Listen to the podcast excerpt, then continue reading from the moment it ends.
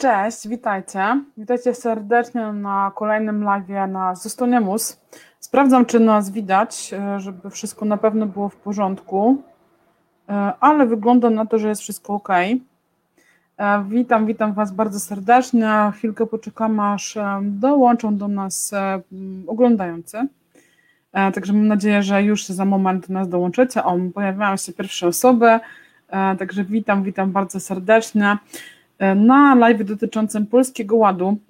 Generalnie jako Zostaniamus podjęliśmy taką decyzję, że nie będziemy się bawić w straszycielskie informacje dotyczące tego, jak bardzo rząd zamierza nam uprzykrzyć życie.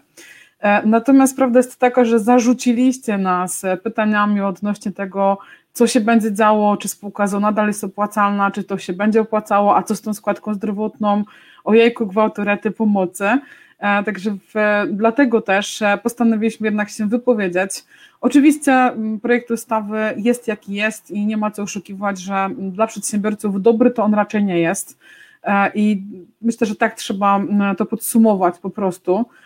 Natomiast zacznijmy od tego, że jest to przede wszystkim projekt ustawy. Więc to jest pierwszy projekt, który już rządzący obiecali, że po wakacjach będą zmieniać. Więc to, co widzicie teraz, tak, jako, jako projekt ustawy, e, to niekoniecznie jest to, co wejdzie w życie, pod warunkiem, że w ogóle coś wejdzie w życie, bo tutaj też e, z uwagi na dosyć niestabilną sytuację e, rządową, tak, jakby tam wyjścia, wejścia, rezygnacje, przepychanki, tak naprawdę nie wiadomo do końca, czego się spodziewać, co wejdzie w życie, co nie wejdzie w życie. Więc dzisiaj rozmawiamy o projekcie ustawy. Więc jeżeli oglądasz ten live w jakimś późniejszym terminie, E, to musisz mieć świadomość tego, że on może być po prostu nieaktualny. E, to, o czym mówimy dzisiaj, dzisiaj jest 18 sierpień 2021 roku, dotyczy projektu ustawy z 26 lipca, e, więc jeżeli są kolejne projekty czy też poprawki, to ten live może być po prostu nieaktualny. Natomiast chciałabym, o właśnie, słuchajcie, witam, witam kolejne osoby, bo widzę, że cały czas dołączacie. Um, chciałabym powiedzieć o tym, że z mojej perspektywy wiele z zapisów, które są w tym Polskim Ładzie, e, są nie tyle na niekorzyść przedsiębiorców, co w ogóle ludzi, takich, wiecie, takich normalnych ludzi, co chodzą codziennie do pracy, zresztą tak samo jak my, ale nie są odpowiedzialni za prowadzenie firm. E, więc e, jakby to, co się tam wydarzy, z mojej perspektywy ekonomicznej, będzie miało bardzo katastrofalne skutki i ja mam ogromną nadzieję, że jednak ten rząd albo się rozsypie, albo przynajmniej przejrzy troszkę na oczy, chociaż e, to jest chyba tylko nadzieja. Prawda jest taka, że jeżeli będą podwyżki podatków, a one będą dla przedsiębiorców w jakiejkolwiek ostatecznej formie, to może okazać się, że mm, będziemy musieli te podwyżki podatków ukrywać w cenach. E, I te ceny będą wzrastały. Oczywiście niektórzy z nas prowadzą usługi czy sprzedają produkty dla innych firm, e, więc te podwyżki e, gdzieś tam sobie ktoś inny ukryje w kosztach. Natomiast prawda jest taka, że ktoś na końcu sprzedaje chleb, bułki, wiecie, mleko, czyli produkty codziennego e, takiego użytku, że tak powiem. E, no i ostatecznie ten, e, ten ostateczny klient i tak będzie musiał ukryć to w swoich cenach, więc na końcu zapłacą zwykli ludzie, tacy, którzy, tacy jak, jak my, my też kupujemy chleb czy, czy cokolwiek innego. Więc wszystkie te zmiany raczej doprowadzą do tego, że inflacja bardzo mocno wzrośnie. Zresztą nawet u mnie w spółce, zakładając, że te zmiany wejdą w życie, w moim przypadku wiąże się to z podwyżką podatków dokładnie o 17,5%. E, to oznacza, że prawdopodobnie 17,5% dorzucę do cen, więc przedsiębiorcy, którzy będą kupowali moje usługi, będą płacili więcej, żeby mogli mi zapłacić więcej, to również podwyższą swoje ceny, oczywiście plus e, podatki, które też u nich wzrosną. E, więc jakby zastanówmy się, pamiętajmy, że to my jesteśmy również odpowiedzialni za edukację ludzi, zastanówmy się, co tak naprawdę się wydarzy, e, bo ja mam wrażenie, że obiecywanki pod tytułem wyższa kwota wolna, czy wyższy próg podatkowy i tak nic nie znaczy w kontekście tego, jakie podwyżki cen są e, dzisiaj mm, szykowane, bo, bo tak to się po prostu skończy. Natomiast e, no, zmiany pewnie jakieś wejdą, nie? natomiast pytanie w jakiej, w jakiej formie trudno powiedzieć. Z takich istotnych rzeczy, do których trzeba nawiązać, to to, że próg podatkowy ma zostać zwiększony z 85,5 tysiąca do 120 tysięcy, czyli będziemy płacili podatek 17% od wyższej kwoty. Oczywiście mówimy o kwocie dochodu, Dodatkowo ma zostać podwyższona kwota wolna od podatku do kwoty 30 tysięcy złotych. Natomiast w tym projekcie ustawy jest tak dziwnie to zapisane, że ta kwota wolna będzie właściwie do wykorzystania tylko przez osoby, które e, będą pracowały na podstawie umowy o pracę. E, nie będą to osoby, które będą otrzymywały wynagrodzenie z tytułu bycia członkiem zarządu na przykład, e, czy, czy mm, na podatku liniowym, czy podatku ryczałtowym. Z tej kwoty wolnej nie będziemy mogli skorzystać, przynajmniej taki jest dzisiaj projekt ustawy. I to są te lepsze zmiany. Natomiast te gorsze, to jest e, chyba składka zdrowotna, która zaboli właściwie każdego przedsiębiorcę, bez względu na to, jaką formę prawną prowadzimy. E, składka ma być liczona generalnie od dochodu. E, czyli nie tak jak teraz jest to po prostu stawka ryczałtowa, którą płacimy co miesiąc w ramach opłat do ZUS-u, tylko to będzie 9% od naszego dochodu. Dodatkowo do teraz można 7,75% tej składki odliczyć od podatku, więc realnie ten, ten, ta składka zdrowotna jest stosunkowo niska, natomiast teraz te, tego odliczenia nie będzie, e, co wprost będzie oznaczało, że mamy podwyżkę o 7,75%, nie o całe 9%, no bo ci, którzy płacą składkę zdrowotną, no to e, nadal będą ją płacili, tylko nie będą mogli obniżyć od podatku. Oczywiście pewnie kwota wolna, czy ten wyższy próg podatkowy w jakiś tam sposób zrekompensuje tą stratę. E, dzisiaj na naszym blogu na zustoniemus.pl w zakładce poradnik przedsiębiorcy pojawiły się wpisy dotyczące e, obliczeń e, tego, mm, jak ta składka zdrowotna będzie wpływała na wynagrodzenie E, zarządu. No i właśnie dochodzimy do, do sedna sprawy. E, witam kolejne osoby, które do nas dołączają. Jeżeli macie jakiekolwiek pytania, e, to piszcie na, w komentarzach, będziemy je na pewno dodawać i za chwilkę na, wyjaśniać, o co tam chodzi. Pojawił się w, naszej, w naszym projekcie ustawy taki magiczny zapis, który mówi, że składkę zdrowotną również będą obejmowały osoby, które są powołane do funkcji w fundacjach, spółkach ZO, spółkach akcyjnych. Więc członkowie zarządu, bez względu na to, czy jest to prezes, czy jest to członek zarządu, wiceprezes, czy, czy też nawet prokurent z mojej perspektywy, chociaż nie jest to doprecyzowane, będzie musiał opłacać składkę 9% od e, dochodu. Więc jeżeli ktoś dzisiaj wypłaca sobie w spółce ZO wynagrodzenie z tytułu bycia członkiem zarządu, załóżmy, żeby się łatwo liczyło, niech to będzie kwota 10 tysięcy złotych, no to będzie musiał od tego opłacić 9% składki zdrowotnej, podatek, czyli oznacza to podwyżkę wprost o 9%. No i w mediach jakby aż huczy od tego, jak e, członkowie zarządu do tego podejdą i prawdopodobnie e, większość firm zastosuje podwyżki wynagrodzenia dla członków zarządu, co znowu będzie oznaczało to, to, że spółka będzie miała mniej pieniędzy, no bo będzie miała niższy dochód, więc będzie miała mniej pieniędzy na inwestycje, mniej pieniędzy na rozwój, mniej pieniędzy na ewentualne podwyżki dla swoich pracowników.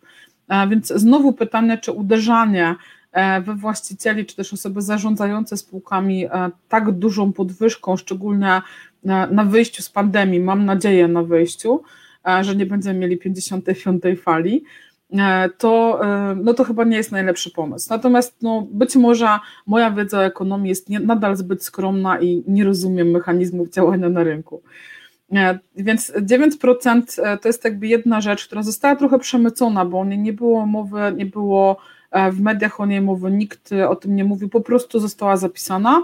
No i oczywiście na wszystkich forach bardzo głośno jest o tym temacie i nie sądzę, żeby jeżeli ten projekt ustawy w takiej formie wejdzie, tutaj nie za bardzo jest obejścia.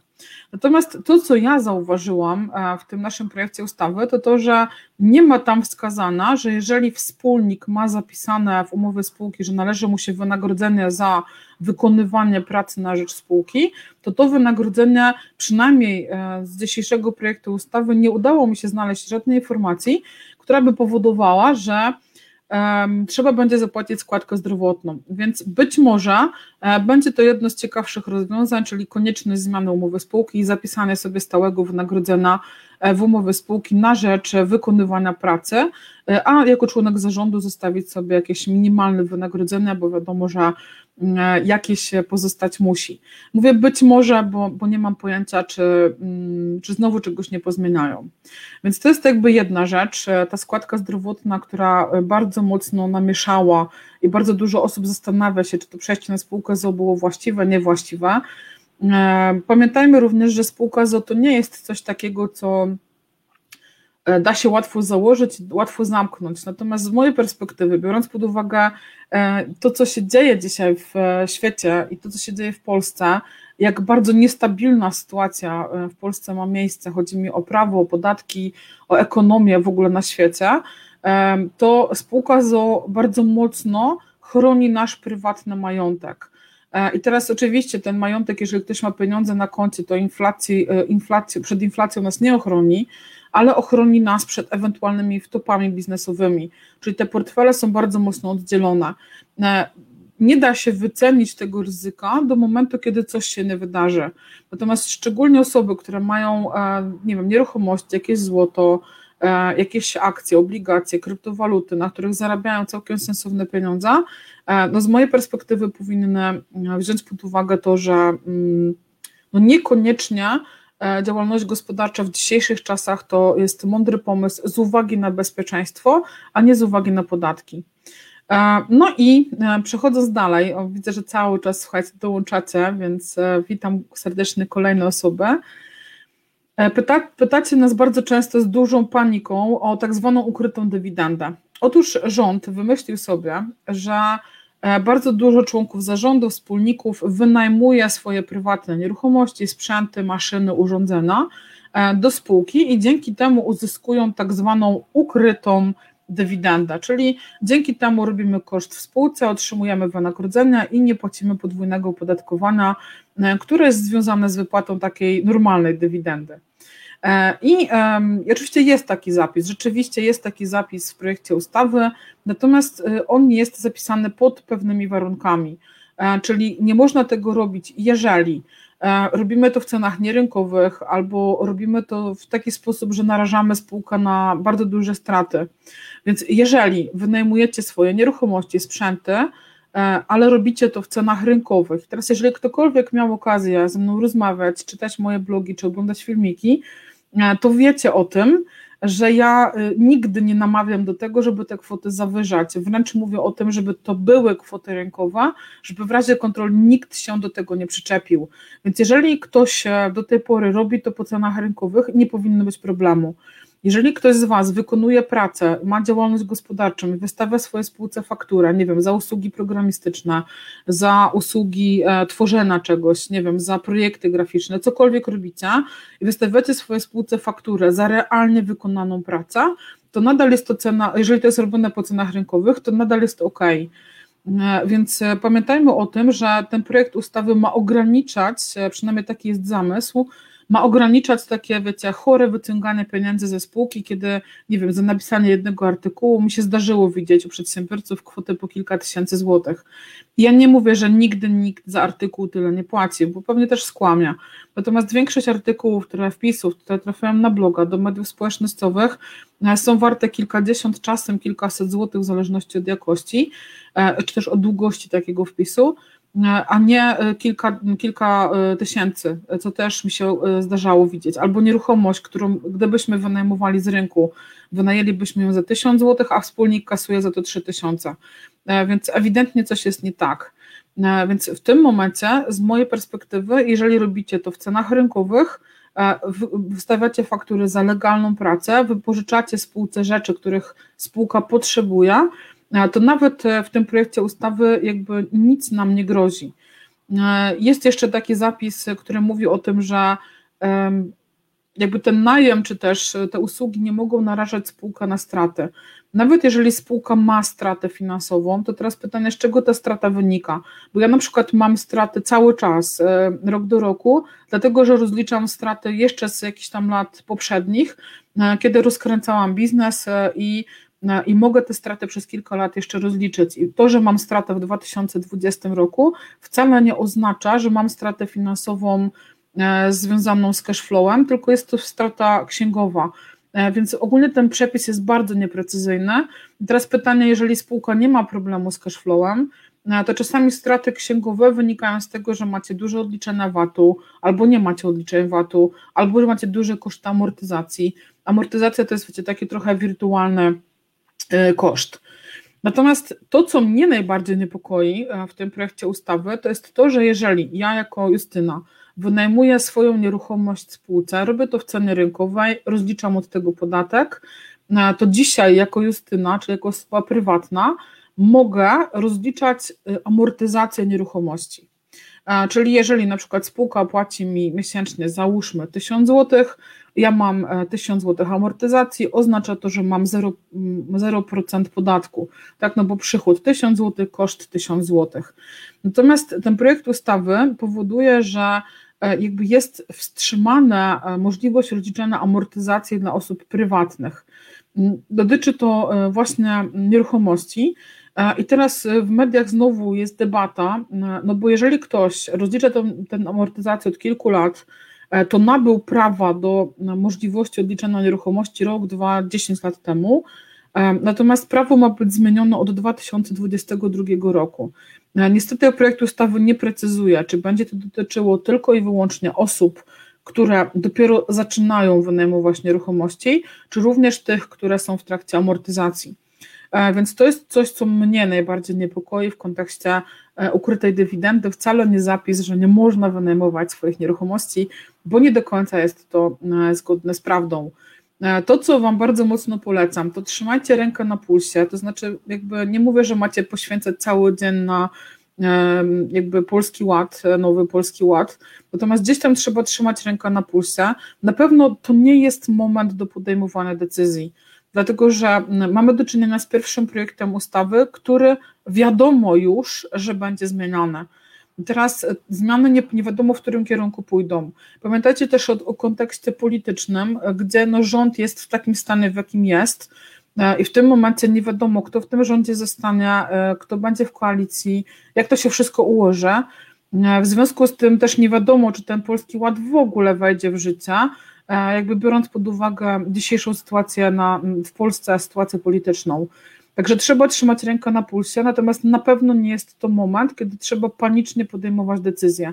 Warto być przygotowanym na różne scenariusze, e, warto jakby brać pod uwagę to, że być może na przełomie roku czeka mnie jakaś zmiana w kontekście rozliczenia podatku, być może w kontekście e, zmiany formy prawnej, natomiast na pewno to nie jest czas, kiedy na podstawie pierwszego projektu ustawy warto podejmować e, jakiekolwiek decyzje.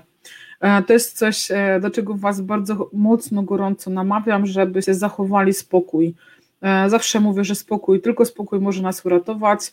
Zdaję sobie sprawę, że sytuacja w Polsce jest trudna, zdaję sobie sprawę, że tak się tutaj nauczy człowiek prowadzić biznes, to mam wrażenie, że da sobie radę na całym świecie. Ostatnio widziałam jakieś badania, gdzie byliśmy w pierwszej dziesiątce krajów na świecie, gdzie najtrudniej prowadzi się biznes, e, z uwagi właśnie na zmienność prawa. E, więc e, trzymajcie rękę na pulsie, ale nie dajcie się zwariować. Nie dajcie się też wciągnąć, wiecie, w tysiące artykułów w popularnych mediach społecznościowych, czy w ogóle w popularnych, popularnych mediach, które jakby cały czas takim stronem, że tonem mocno straszycielskim się komunikują, a nie informacyjnym.